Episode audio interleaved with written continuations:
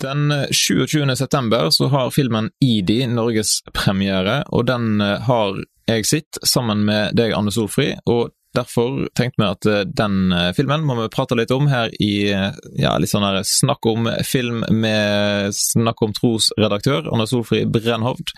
Så Anne Solfri, hvordan, hva kan du avsløre om denne filmen her, uten å gi vekk for mange spoilers?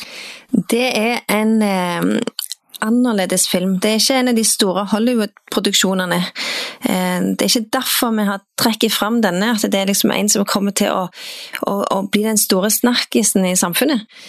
Det er faktisk noe så uvanlig som en film med en hovedperson som er over 80 år en nydelig film med fantastisk naturlandskap eh, som handler om en reise i livet.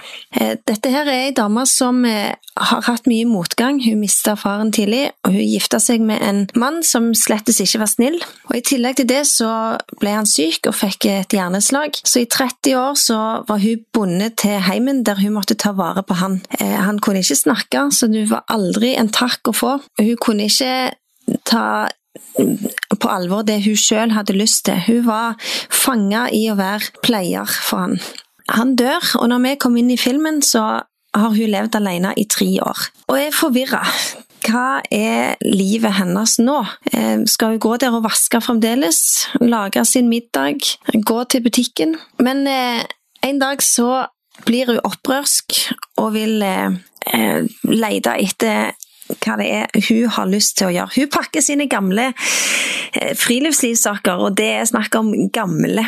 Og setter seg på et tog og reiser til eh, Skottland for å oppnå en eh, gammel, gammel drøm.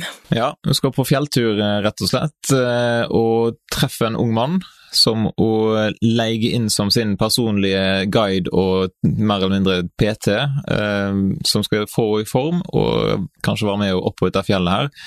Hvordan opplevde du denne filmen her, eh, Anne Solfri? Det er eh, en, en litt sakte film. Eh, det, det, er litt lange scener, men det er fantastisk natur.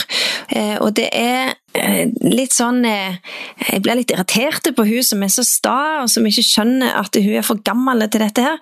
Og samtidig så får man så hjerte for denne dama som, som, har måttet forsake så mye av sitt eget i, i livet. Der hun har Ja, hun er rett og slett bitter fordi at livet har gått forbi.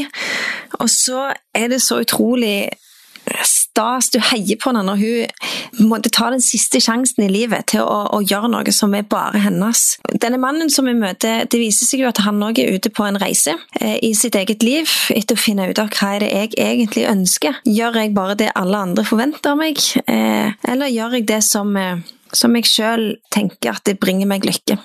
Et av hovedtemaene som filmen eh, tar opp, det eh, handler jo om eh, hvor finnes lykken? Finnes han i å overkomme hindringene i livet, sånn som dette fjellet blir et slags symbol på? Og det gir han gjerne ikke et svar på, det har ikke kanskje vi heller tenkt å gjøre. Men den, det er noe litt spennende der i forhold til konflikten mellom alle forpliktelsene som føles som de står i veien for deg, og jakten på lykken. Trenger det være en motsetning der? I, i disse liv så er det jo helt klart det, men den løfter likevel fram på en eh, en, en, eh, kvalitet i forbindelse med å være lojal eh, og eh, holde sammen i gode og onde.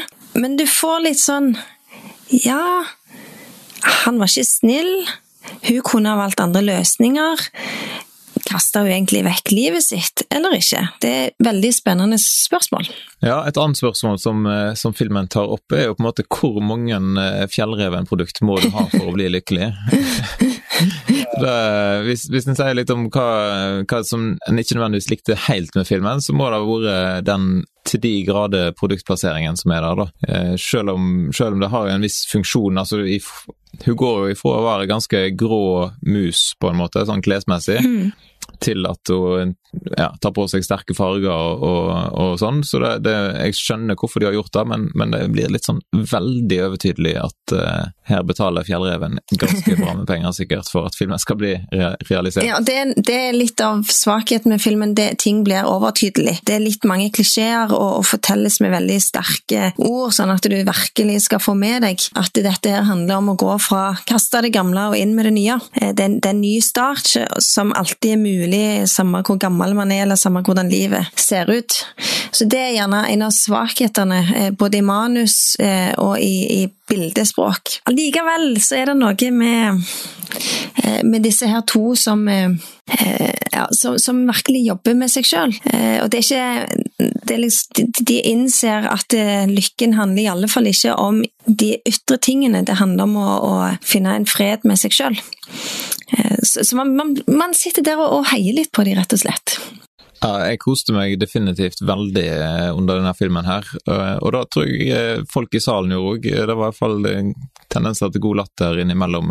For det er en veldig morsom og, og flott film, dette her, som samtidig tar opp store spørsmål som, som du sitter igjen og, og liksom ja, kjenner litt på det, det, var greit å sitte litt mens rulleteksten gikk og, og fundere litt på de store spørsmålene i, i livet. Mm.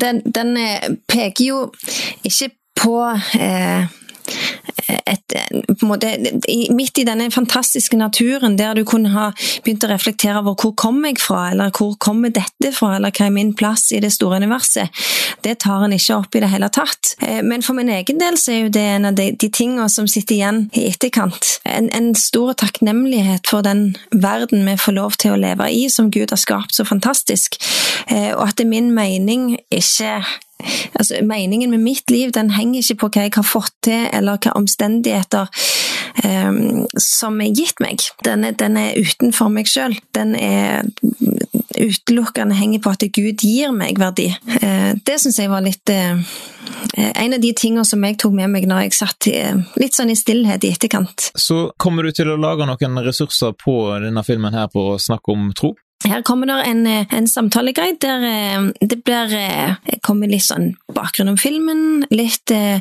innspill til hvordan man kan reflektere rundt disse spørsmålene. Litt sånn referanser til hva Bibelen sier om disse temaene.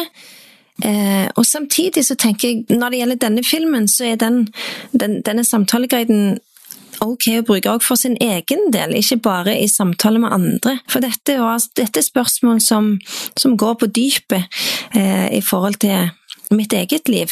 Hvor er det jeg eh, leter etter lykken når livet ikke ble sånn som man hadde tenkt? Det er en film med, med ganske eh, godt voksent publikum, kanskje. Eller er iallfall godt voksen hovedperson. Eh, hvor gammel tror du en må være for å sette pris på denne filmen her?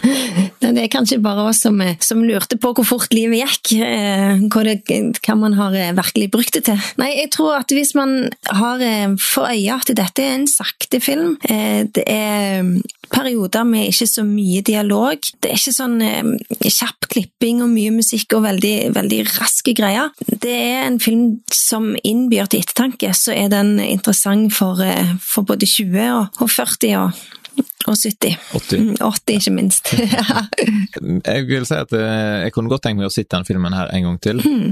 Og hvis du som lytter har enten tenkt å se den på kino, eller du vil få den med deg på Netflix hvis den kommer der, eller en eller annen annen strømmetjeneste, så kan du jo sjekke ut ressursene på Snakk om tro, og så kan du gi en tilbakemelding til oss om hva du syns om filmen, og hva syns du om ressursene som du finner inne på Snakk om tro. Hvis du som lytter syns at dette her var interessant og greit, så kan du jo gi oss en tilbakemelding, eller du kan dele den med en venn, eller du kan gi en vurdering i iTunes eller der som du lytter til podkast.